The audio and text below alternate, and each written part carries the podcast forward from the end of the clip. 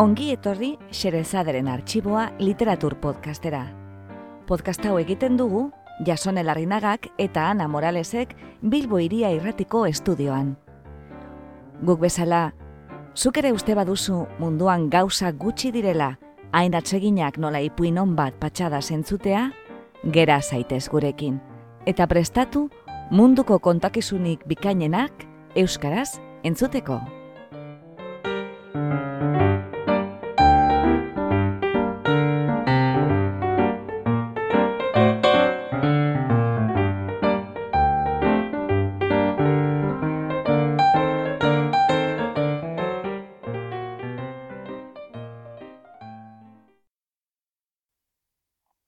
Gaur, xerezaderen artxiboan, Akademia batentzako txosten bat.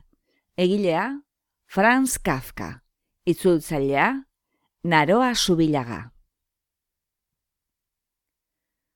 Aspaldiko partez, hiru hilabete luzeko ezusteko etenaren ondoren, bueltan dago xerezade. Eta, ondo pentsatuta, eten hau, artea eta bizitza, modu xelebrean nahazten diren une hoietako bat izan da. Ze, gure borondatea espaitzen podcastean atxeden bat hartzea, ez? Gauzak, ala suertatu dira gure nahiaren kontra, eta ala diogunean esan nahi dugu apur bat kafkar. Eta ez dugu alferrik erabiltzen hitz hori, ze kafkak bezala guk ere, zehatzak izan nahi baitugu. Gauza bakoitzari bere izena, gaurko ipuineko protagonistak dioen moduan, irtenbideari, irtenbide deitu, ez askatasuna. Eta guri gertatutakoa deskribatzeko berbarik zehatzena da, ba, horixe, gertaera kafkarren kate bat. Hain zuzen, noiz eta konturatu ginenean, gure podcastean kafkan diaren utzune onarte zegoela, eta hori konpondo egin behar genuela. Ekin genion ba Kafkaren atala prestatzeari, ondo lehituz bere lanak eta ipuinetako bat aukeratu genuen. Oso atal lantzua izan zen, ipuin oso luzea eta tentzio handikoa zelako, eta entzaio eta edizio ordu asko eskatu zituen, eta bizkarreko minak eta hanken inurritzea, baina azkenean amaitu egin genuen.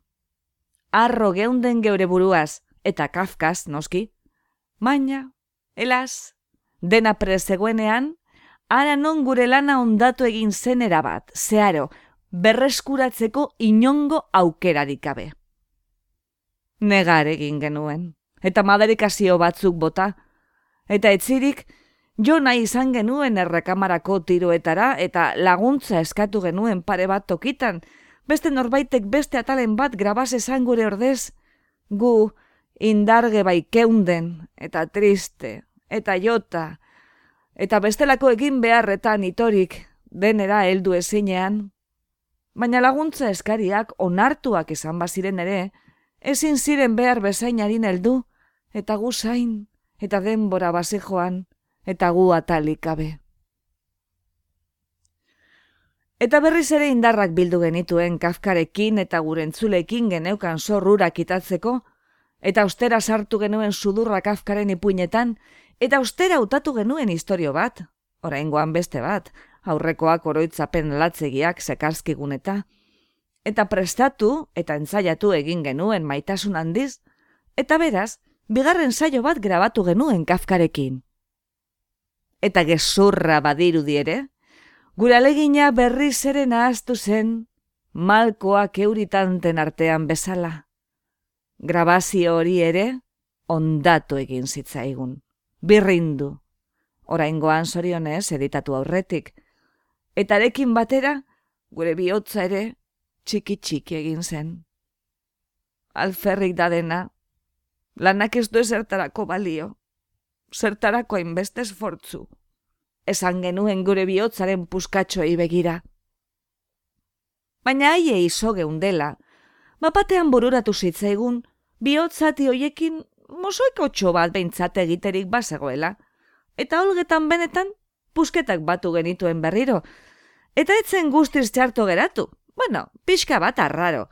Zati guztiak egon badaude, baina ez daude esango genuke guk lengo tokietan. Baina, honezkero, Kafkak bihotza bi aldiz apurtu dizunean, ba zer nahi duzu, ezin zara inoiz lengoa izan. Apur bat, kafkatuta geratzen zaizu betirako. Beraz, irugarrenez, eta oraingoan posarren ezina ekinez egina geratu delako, ona hemen, xerezaderen artxiboko atal berria. Akademia batentzako txosten bat, Franz Kafkarena. Naroa zubilagak itzuli ditu bizian argitaratuak izeneko liburuan bilduta dauden kafkaren ipuinak. Berea da sarrera ere, eta hortik kopiatu ditugu pasarteok. Mila sortziron eta larogeita iruko ustalaren iruan jaio zen, Pragan, Franz Kafka, eta mila bederatzen eta hoeta lauko ekainaren iruan hil zen bienan. Familia judutar baten seme, Austro-Hungariar imperioaren garaia bizi izan zuen. Ama hizkuntza alemana bazuen ere, txekiera ere menderatzen zuen. Zuzenbideko ikasketak egin zituen, eta seguro bulego batean egiten zuen lan. Berez, indar eta denbora guztia idazteari eskaintzea beste ametzik espazuen ere. Giro horretan sortu zen Franz Kafkaren literatura, imperio zentralizatu bateko burokrazia giro batean, judutarren aurkako sentimena nabarmentzen hasia zenean.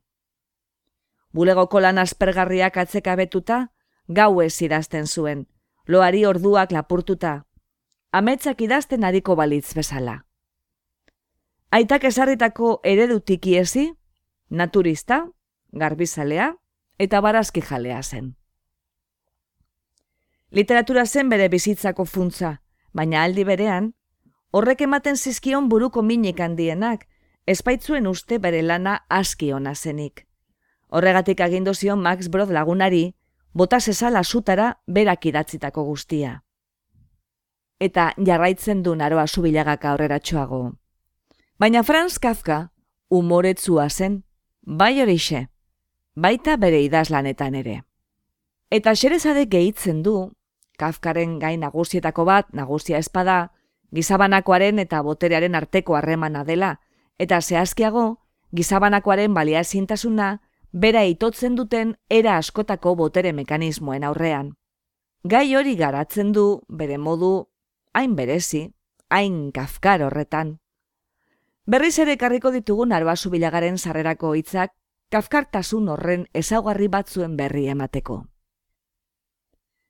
Ez dira falta kontraesanak eta ez usteak. Ona zena gaizto bihurtzen da eta gaiztoa zena berriz ona. Animaliek hitz egiten dute eta gizakien moduan jokatzen dute.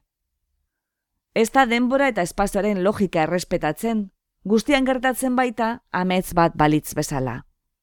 Animaliak bezala, artistak edota zirkuaren munduko langileak ere ez dira falta. Euren artea lantzeko sentitzen duten desioa eta irrika, baina bestalde, munduaren gandik jasotzen duten ulermeneza. Euren artea egiteko ezintasuna.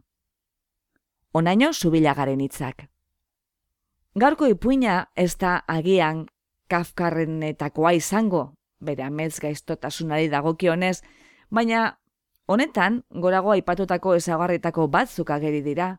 Animalia bat daukagu, zehazki, tximino bat, hitzaldi bat ematen gizakien aurrean. Itzaldian azaltzen du nola utzi zion tximino izateari.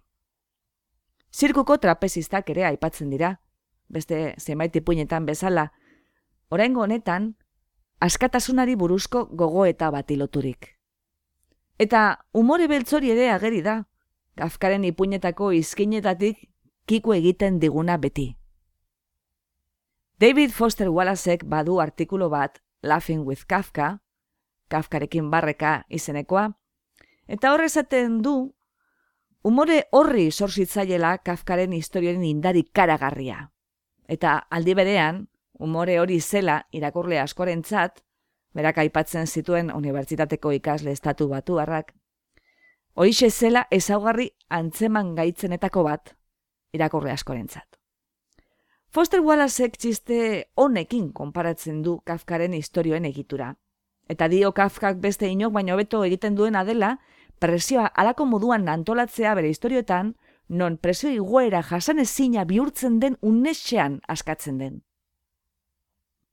Bestalde, dio Kafkaren umorearen giltzatako bat dela, normalean metaforikoki erabiltzen diren esapideak literalki hartzea eta muturreraino eramatea. Pentsa dezagun, adibidez, larrutik ordainduko duzu esamoldean eta zigor kolonia ipuinean, adibidez. Ero pentsa dezagun, mamarro baten moduan begiratzen didate. Eta gogora dezagun metamorfosia. Edo, gaurko ipuinari erreparatuz, gogora dezagun, imitazio tximino bat zara, ezapidea. Foster Wallaceen hitzetara bueltatuz, dio, maila sakonago batean, Kafkaren txiste nagusia dela, giza identitate bat bilatzeko borroka izugarrearen emaitza dela, identitate bat, zeinaren gizatasuna, ezinbestean dagoen lotuta bilaketa borroka ikaragarri horrekin. Bestela esan da. Etxerako bidaia penagarrien ostean, ohartzea bidaia zela gure etxea. Akademia batentzako txosten bat ipuinean, kaiola batetik ateratzeko irtenbide bat aurkitzen du protagonistak. Zirkura joan beharra badago, antzestu egin beharra badago, ba, antzestu egingo dugu. Dena da, performance bat.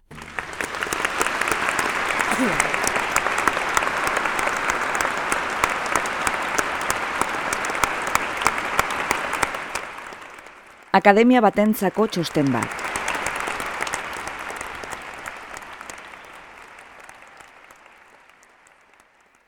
Akademiako jaun txit gorenak. Hore handia da niretzat, akademiari nire aurreko tximino bizitzari buruzko txosten bat aurkezteko gonbita jaso izana. Zentzu horretan, zoritxarrez, ezin erantzun diezaioket gonbitari. Ia bost urte pasatu dira nire tximino bizitza amaitu zenetik, agian denbora tarte laburra, egutegian neurtzen baldin bada, mugagabeki luzea ordea, lau onka egiteko, nik egin dudan moduan, tarteka pertsona bikainez, aholku ez, txalo eta orkestra musikaz lagunduta, baina funtzean, bakarrik, laguntza oro geratzen baitzen, itxura gordetzearen, mugatik urrun. Honako hau egitea ezinezkoa litzateke nik nire jatorriari, gaztetako oroitzapenei, burugo gorre utzi nahi izan banie, Burugo gorkeria orori uko egitea izan zen, hain zuzen ere, nire buruari esarri nion agindurik korena. Nik, tximu aske honek, sama hori hartu nuen nire gain. Baina, horren ondorioz, oroitzapenetarako atea, geroz eta gehiago, isten hasi zitzaidan. Hasieran, gizakiek ala nahi izan balute, zeruak lurraren gainean osatzen duen atetzarretik itzul baninteke ere. Nire bilakaera zigortuak aurrera egin ala, atetzarra basuagoa eta estuagoa bihurtu zen. Gizakien munduan geroz eta hobekiago eta lotuago sentitzen nintzen.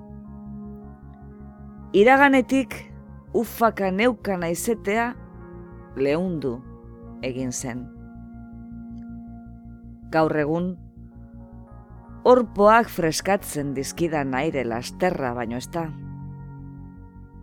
Eta urruneko zuloa, nondik aire hori baitator, eta ni garai batean etorri bainintzen, hain txiki bihurtu da, araino iristeko nahiko indar eta gogo banitu ere, gorputza larrutu beharko bainukeen bertatik igarotzeko.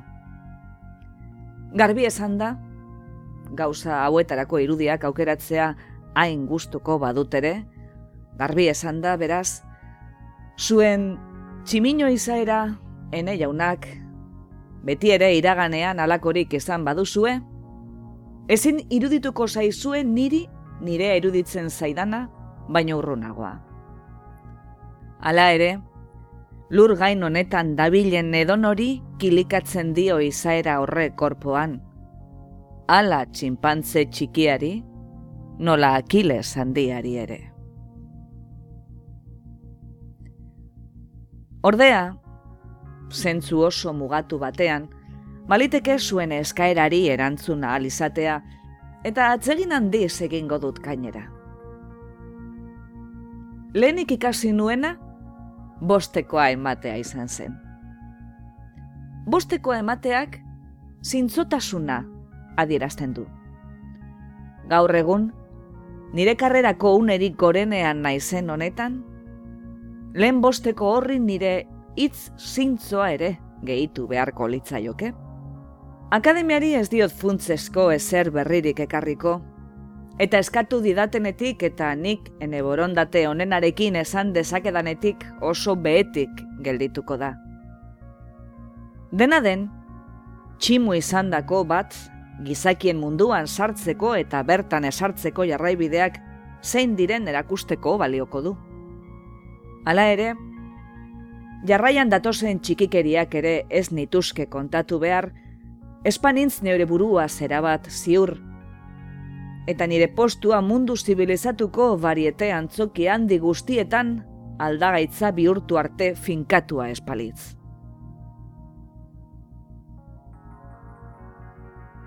Urrezko kostatik nator. Nola harrapatu ninduten, txosten arrotzen arabera dakit. Hagenbeck enpresaren eiza espedizio bat zegoen, ibai ertzeko sasitzan zelatan, enpresa horretako naguserekin gainera, ardo beltzoneko botila bat baino gehiago ustua nahi sordutikona. Ba, sasitzan zelatan zeuden espediziokoak. Noiz ere iluntzean, talde baten erdian, urtegira jeitzi bain nintzen. Tiro egin zuten. Ni izan nintzen zauritu bakarra bi tiro hartu nituen.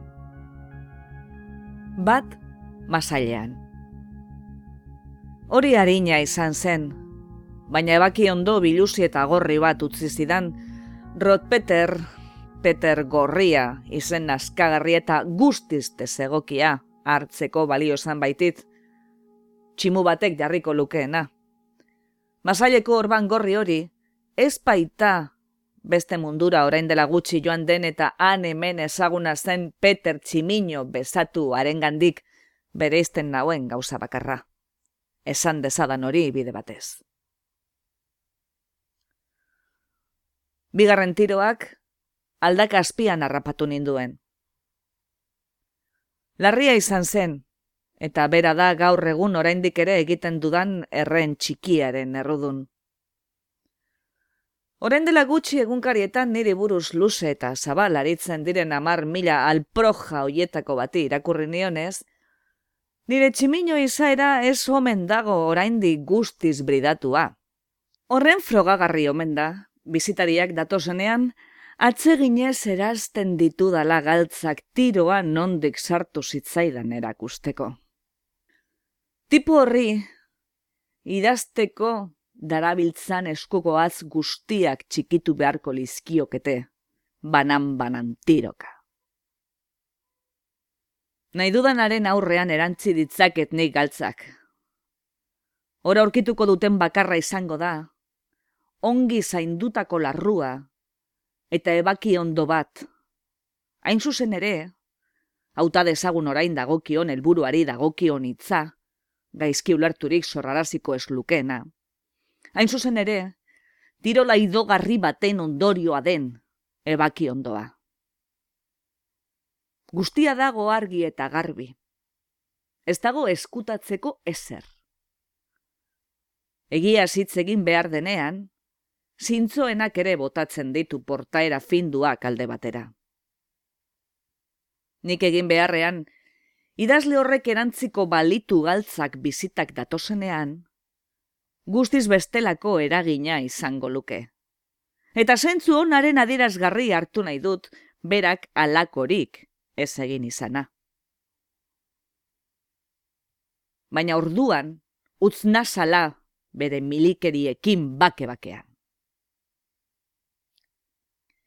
Tiro horien ostean esnatu nintzen, eta orain hasten dira pixkanaka, pixkanaka nire oroitzapenak. Esnatu nintzen kaiola batean, Hagenbeck enpresaren baporeko bizkarraldean. Etzen lau hormatan burdin asko esiak zituen kaiola, gehiago zen kutsa bati lotutako hiru horma. Kutsak berak osatzen zuen beraz, laugarren horma. Bere osotasunean basuegia zen zuzen zutik egoteko, eta estuegia esertzeko. Horregatik nengoen makurtuta, etengabe dardarakan ituen belaunak tolestuta.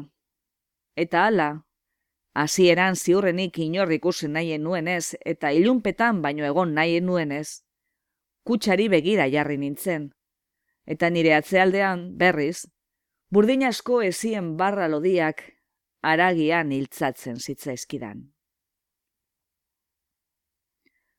Animalia basatiak hasiera modu horretan giltzaperatzea onerako dela uste izaten da. Eta gaur egun, nire eskarmentuaren ostean, ezin uka dezaket gizakien ikuspegitik ikusita hori ala denik. Garai hartan ordea, en nuen ala uste. Bizitzan lehen aldiz, irten biderik gabe nengoen. Aurrean gutxienez eneukan ezer, nire aurrean kutsa zegoen, elkarren artean ongi itxatzitako olak. Olen artean bazen bai, alderik alderako zirrikitu bat, eta nik, ura ikusi bezain laster, zentzugabetasunaren ulu soriontzuarekin agurtu nuen, baina zirrikitu horrek ez zuen, ez da hurrik eman ere, bustana bera pasatzeko ere balio, eta tximino indar guztiarekin ere, ezin ziteken zabaldu. Gero esan zidatenaren arabera, eta ohikoa denaren kontra, zarata gutxi atera omenuen, eta beraz, pentsatu zuten, edo bere ala hilko nintzela, edo lehen tarte kritikoan irautea lortuzkero, besatzeko oso erresa izango nintzela. Tarte hori iraun nuen, negar sotinak isilean, nekez harkakusorik bilatzea, koko bat motel-motel miaskatzea, kutsako horma burua ziotzea, eta nigana gerturatzen zenari mingaina ateratzea. Hoiek izan ziren lehen egitekoak nire bizitza berrian. Baina horietan guztietan, sentimen bakar bat nuen. Irten biderik ez. Jakina, garai hartan tximino giza sentitutakoa gizaki hitzez baino ezin itxura dezaket gaur, eta beraz, desitxuratu egiten dut, baina tximino egia zaharra ezin berreskura badezaket ere. Nire kontakizunaren norabide berean behintzat aurkitzen da, ez dago inolako salantzarik.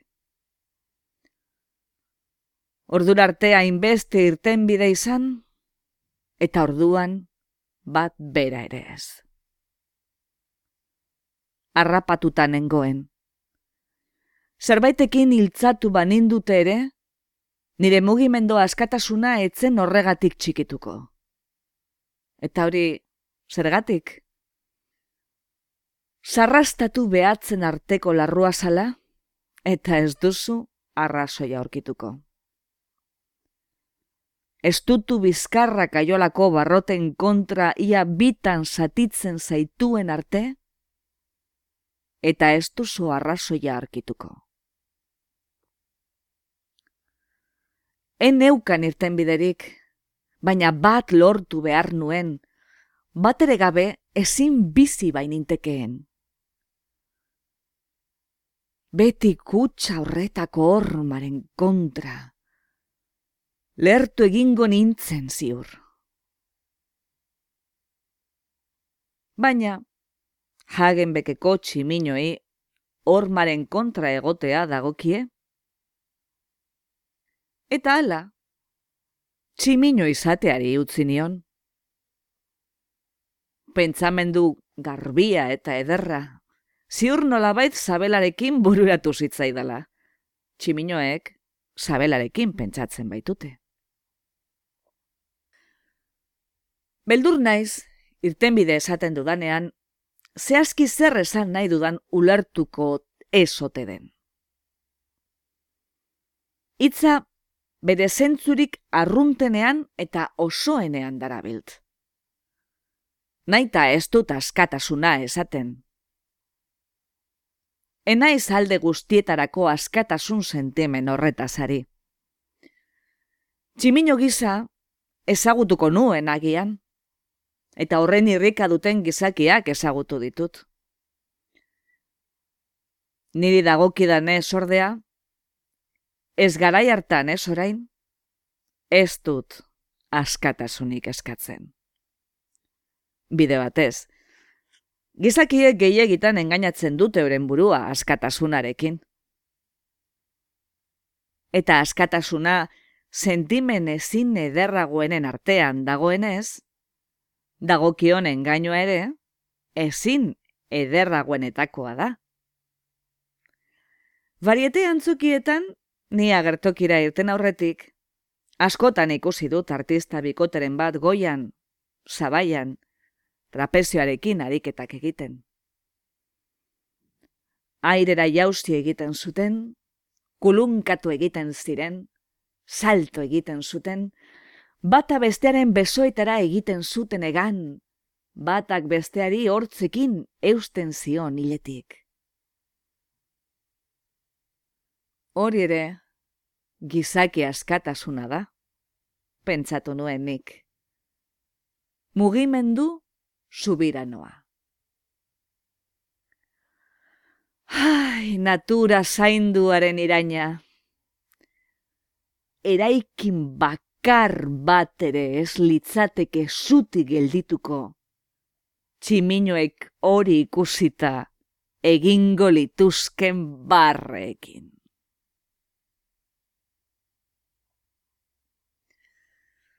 Ez, nik enuen askatasunik nahi.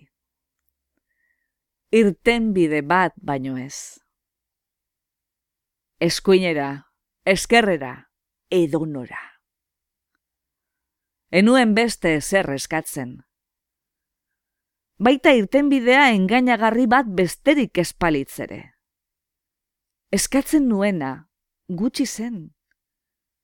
Engainua ez litzateke handiagoa izango. Aurrera egitea. Aurrera egitea. Baina ez besoak altxatuta mugitu gabe gelditzea, kutsa bateko hormaren kontra estututa.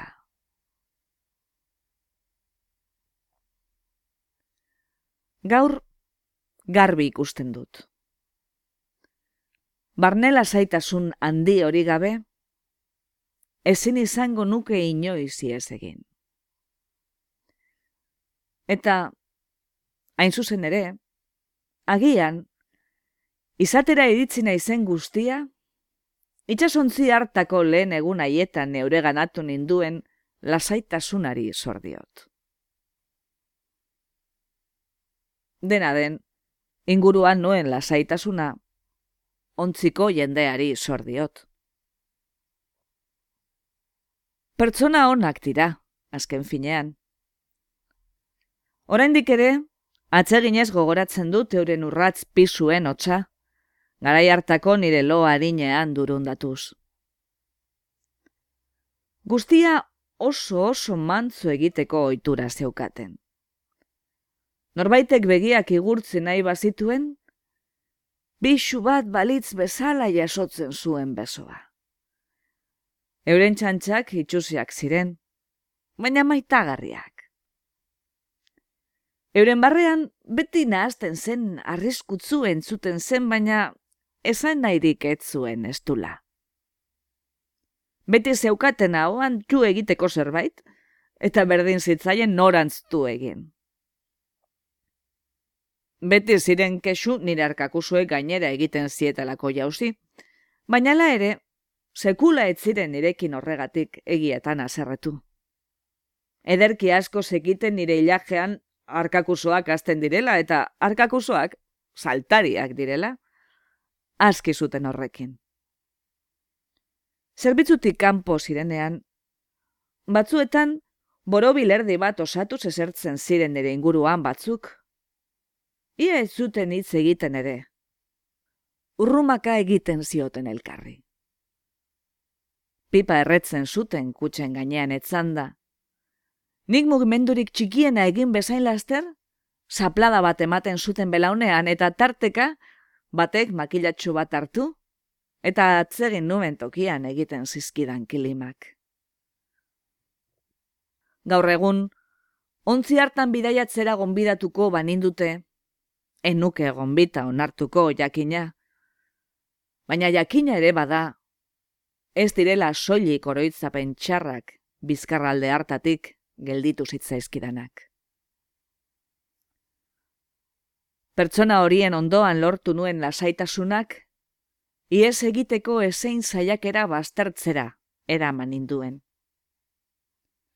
Gaur egungo ikuspegitik ikusita, uste dut sumatu nuela, bizi nahi baldin banuen, irtenbideren bat bilatu beharra nuela. Baina irtenbide hori, enuela ies eginda erdietziko. Ies egin ote ziteken ere ez dakit, baina baietz uste dut. Tximino batek beti izan beharko luke ies egiteko aukera. Nire egungo hortzekin, oiko kontu batean, intxorrak raskatzean ere kontu zibili behar dut. Garai hartan ordea, ziur denborarekin kaiolako sarraila guzti zireki arte oskatzea lortuko nuela. En nuen alakorik egin. Ze lortuko nuen horrekin. Burua atera bezain laster, kaiola are okerrago batean giltzapetzeko harrapatuko ninduten, edo inokikusi gabe, beste animalien artean babes nintekeen, aurrean nituen zuge erraldoien artean esate baterako, eta azken arnaza euren bezarkadapean eman. Edo itxasontziko bizkarreraino joan eta kareleti jauzi ere egin ezakeen, orduan ozeanoan pixka batean kulunkatu eta ito egingo nintzen. Etziak jota egiten diren gauzak. Enuen oso modu gizatearrean kalkulatzen, baina nire inguruaren eraginpean, kalkulatu izan banu bezala jokatzen nuen. Enuen kalkulatzen, baina behatu, lasaitasun osoz behatzen nuen. Gizon horiek batetik bestera zijoazela ikusten nituen, beti aurpegi berberak, mugimendu berberak. Askotan, bakar bat zela iruditzen zitzaidan. Beraz, gizon ura edo gizon haiek inolako eragozpenik gabe zebiltzen. Elburu handi bat ernatu zitzaidan. Inoketzidan agindu beraien moduko bihurtuko banintz ezia igoko zenik. Ez da hitzik ematen betetzea ezinezkoa diruditen gauzetarako. Baina norberak betetzea ezinezko diruditen gauza horiek betetzen baditu, hitzemanak ere lehen alferri bilatzen jardundako kontu horietan ageri hoi dira. Ba, gizon horiek ez zeukaten ni askorik erakartzen ninduen ezer. Arestian aipatutako askatasunaren jarraitzaile izan banintz, ziur nahiago nukeela ozeanoa gizon haien begirada uerrak eragusten zidan, irten bidea baino. Edo nola ere, aspalditik zen behatzen dituela, baita alakoetan pentsatzen hasi baino lehen ere. Eta bildutako behatzelan horiek soilik, bultzatu ninduten norabide jakin hartara.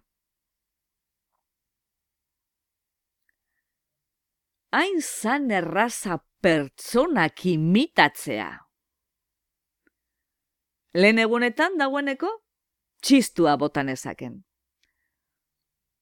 Orduan elkarren arpegira txistua botatzen hasi ginen, alde bakarra zen, nik ondoren nire arpegia garbitu arte miaskatzen nuela, haiek eurena ez.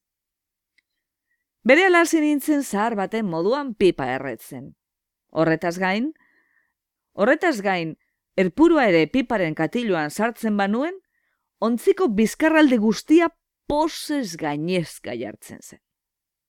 Hori bai, pipa utzaren eta betearen artean zegoen aldea enuen luzaroan ulertu. Lan handienak patxar botilak eman zizkidan. Usainak nazka ematen zidan.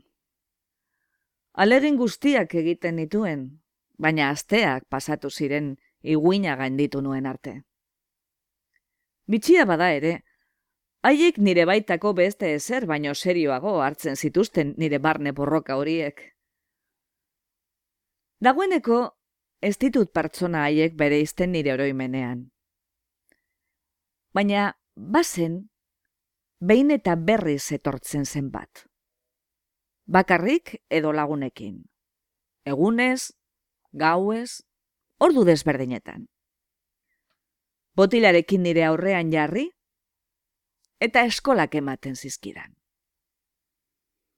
Etzidan ulertzen, nire izatearen igarkizuna asmatu nahi zuen. Botilari kortxoa astiro kendu, eta gero begira gelditzen zitzaidan. Ulertu ote nuen egiaztatzeko. Aitortzen dut, beti arreta sutzuaz, presaskoaz begiratzen nion. Irakasle gizaki batek, eluke munduaren buelta osoan alako ikasle gizakirik aurkituko. Botilari kortxoak endu, eta ahorantz inguratzen zuen. Nik begiekin jarraitzen dio testarrirarte. Baietz egiten du buruaz, nirekin gustora baitago, eta Espainetan bermatzen du botila. Ni, ezagutza orokor horrek liluratuta, han eta hemen goraka, beraka eta zeharretara aska egiten hasten naiz, karrasika.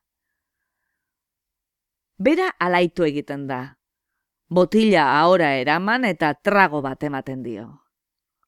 Ni, ura imitatzeko irrikas eta etzita, zikindu egiten naiz kaiola barnean. Eta horrek postasun handia eragiten dio berriz ere. Eta orduan, botila urrundu, bultzakada batekin berriz ere altxatu, eta ustu arte edaten dut trago batean. Keinu didaktiko egi batez, burua atzera botata. Nik, nire dezioaren handitasunean aituta, ezin jarrai diezaioket gehiago, eta ahulduta zintzilikatzen naiz ezietan. Eta ark, eskola teorikoa horrelaxe amaitzen du, sabela igurtziz eta maltzurkeriaz irribarra eginez. Orduan baino ez da hasten, ariketa praktikoa. Teorikoak esan nau nekatu egi utzi? Ba, alaxe da, bai, nekatu egi. Nire patuaren parte da. Hala ere, ahaldudan moduan eusten diot gerturatzen didaten botilari. Kortxoa kentzen diot dardaraka. Erdietzitakoak indar berriak ematen dizkit pixkana pixkana. Jatorrizkotik ia bereizi ezina den botila hori altzatu dut. Ahora ekarri dut eta...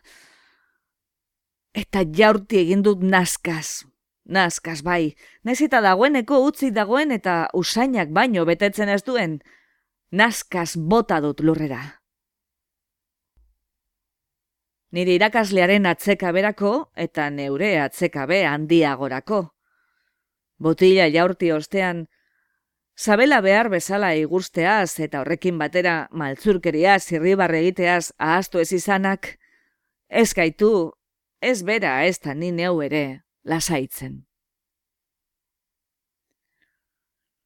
Gehiagitan gertatzen zen hori eskolan, eta nire irakaslearen ohorerako, esan behar dut etzela nirekin aserretzen. Egia da batzuetan piztutako pipa larrura gerturatzen zidala, iristea zaila nuen tukiren batean erretzen hasten zitzaidan arte, baina ondoren, berak itzaltzen zuen atzera bere esku on erraldoiarekin. Etzen nirekin azerretzen. Biok, tximino izairaren aurka alderdi berean borrokatzen ginela sekusan, eta nire esatia zailagoa zela. Nola nahi, ura izan zen ura garaipena, baiaren zat, bai niretzat ere, iruntze batean, ikusle zirkulo handi baten aurrean, agian festa bat izango zen, gramofono bat entzuten zen, ofizial bat jenderen artea, zebilen, ba, iruntze hartan, inok ikusi gabe norbaitek nire kaiola aurrean, negabe utzitako patxar botila hartu nuenean, eta jendearen arreta geroz eta handiagoaren aurrean, behar bezala kortxoak endu, botila ahora eraman, eta zalantzan ibili gabe, ahoa zimurtu gabe, edale aditu abanintz bezala, begiak bidaraziz eta estarri dardaratiz, botila guzti sustu arte edan nuenean. Botila jaurti nuen, ordurako ez etziak jota dagoenaren moduan, artista baten moduan baizik.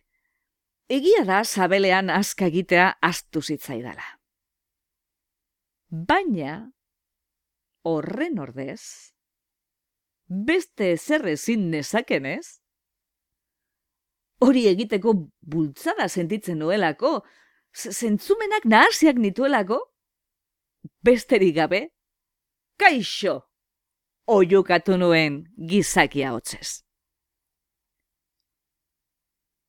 Oiuarekin, gizakien komunitatean barrena egin nuen jauzi. Eta haien oi hartzuna, entzun, entzun, hitz egiten du! Izerdiz blaitutako nire gorputz osoan hartutako musu baten moduan sentitu nuen. berriro diot. Gizakiak imitatzeak endin duen erakartzen. Irten bide baten bilan enbilelako imitatzen dituen. Ez beste arrazoi bategatik. Garaipenarekin ere, ezer gutxi lortu nuen. Hautzak berehala utz egin zidan berriz ere hilabete batzuen buruan baino nuen berriz berreskuratu. Patxar botilarekiko nazka are indartzuago bihurtu zitzaidan. Norabidea erabakia zidaten ordea. Behin betiko. Hamburgon, nire lehen eslearen eskuetan utzi nindutenean, berela ikusi nituen bi aukera zabalik soa edo bariete antzokia. Enuen zalantzarik esan. Horrela esan nuen neurekiko. Egin alegin guztia bariete antzokian sartzeko. Hori duk irten bidea. Soa ezitutako kaiola berri bat baino Bertan sartzen baiz, ireak egindik. Eta ikasi nuen jaunak. Ai, batek ikasi egiten du ikasi behar duenean. Irten bideren bat nahi duenean. Berriketa gutxirekin ikasten du batek. Bere burua zartailuz zaintzen du. Eta erresistentzia txikienaren aurrean urratzen du bere burua. Tximino izaerak ziztu bizian pirritan ies egiten zidan kanpora. Eta hala, nire lehen irakaslea, ia-ia tximino ere bihurtu zen. Berehala eskola kutzi behar izan zituen eta eroetxe batean sartu behar izan zuten. Sorionez, berehala itzuli zen berriz ere. Hala ere, irakasle asko akitu nituen, baita irakasle bat baino gehiago ere aldi berean. Nire gaitasunez ziurrago sentitu nintzenean, Iritzi publikoak nire aurrera pausoei erraitzen zienean eta nire etorkizuna dirdiratzen hasi zenean, nik neuk egiten nien harrera irakaslei. Bata besteren ondoko bos gelatan eserarazten nituen eta guztiekin batera ikasten nuen, gela batetik bestera etengabe salto eginez. Haiek bai, aurrera pausoak. Ura gainezkatzea, jakituriaren printzak esnatzen ari den burmuinean alde guztietatik sartzen direnean. Ez dut dukatuko. Soriontzu egiten induen. Baina aldi berean onartzen dut, ez dudala dena baino gehiago balio esten. Ez lehen, eta are gutxiago orain. Munduan egundaino errepikatu esten aleginari esker? Europar baten batez besteko kultura maila erdietzi dut. Hori agian, ez litzateke zer berez, baina bada zerbait. Kaiolatik irteten lagundu, eta irtenbide bitxi hau, irtenbide gizatiarrau, ekarri baitit. Bada gure hizkuntzan esaera bikain bat. Nok bere burua ostoen atzean desgisatzea. Hori egin nuen, nere burua desgizatu dut. Enuen beste biderik, beti ere kontuan hartuta, askatasuna ezin auta zitekela. Nire bilakaerari eta bilakaera horrek orain artean esan duen helburuari begirada bat botata, enaiz eskesu, ez hase. Eskuak galtzetako poltzikoetan, botila bat ardo mai gainean, erdietzan da erdi eseritan nago kulunka ulki batean, leiotik kanpora begira. Bisitaren bat baldin badator, behar bezala hartzen dut. Nire enpresarioa harrera gelan dago eserita. Txirrina jotzen badut, etorri eta esan behar diodana entzuten du. Iluntzetan ia beti dago emanaldia, eta lortzen dudan narrakasta, nekez gain direiteke. Gauetan, oturuntzaren batetik bilera zientifikoren batetik, edo lagun arte atzegin batetik berandu etxeratzen naizenean, erdi bezatutako txinpantze eme bat daukatzain. Eta, arekin, tximinoen moduan ongi pasatzeko atrebentzia hartzen dut. Egun ez ez dut ikusi nahi. Begiradan baitauka, nazitako animalia besatuaren erotasun hori. Hori nik baino ez diot antzematen. Eta ezin jasan dezaket.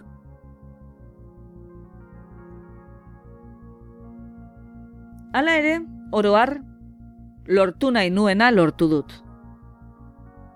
Ez dila esan, merezi ez zuenik.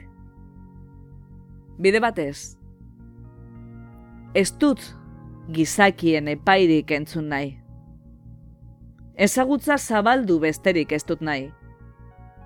Informatu, baino ez dut egiten. Baita, zuei ere. Akademiako jaun txit gorenak. Informatu, baino ez zaituztet egiten.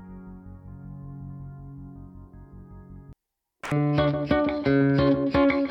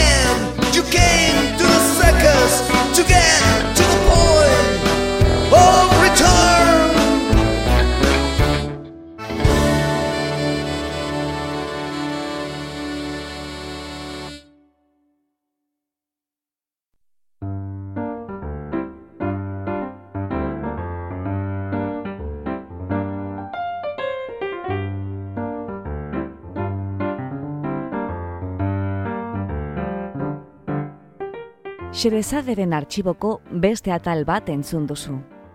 Gure doinoa da, Charleston Behind the Attic Door, Dance of the Wind taldearena.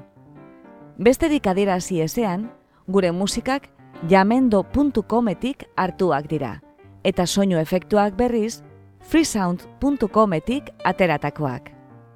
Podcast hau egiten dugu, Jasonen Arinagak eta Ana Moralesek Bilbo Iria Irratiko estudioan. Gure audioak online entzuteko edo eskuratzeko eta podcastaren arpidedun egiteko, bilagaitzazu iTunesen edo joan gure blogera irubebikoitz.blogak.com barra isa a lp. Irriketan gaude zure iritzia jakiteko eta zure gurariak betetzeko. Beraz, gure blogera soazenean, eza astu iruzkina ustea eta irakurgai proposamenak egitea. Eskerrik asko gurera hurbiltzeagatik. Gustora egon bazara, etorri urrengo batean berriz ere, Xerezaderen arxiboa literatur podcastera. Laster arte!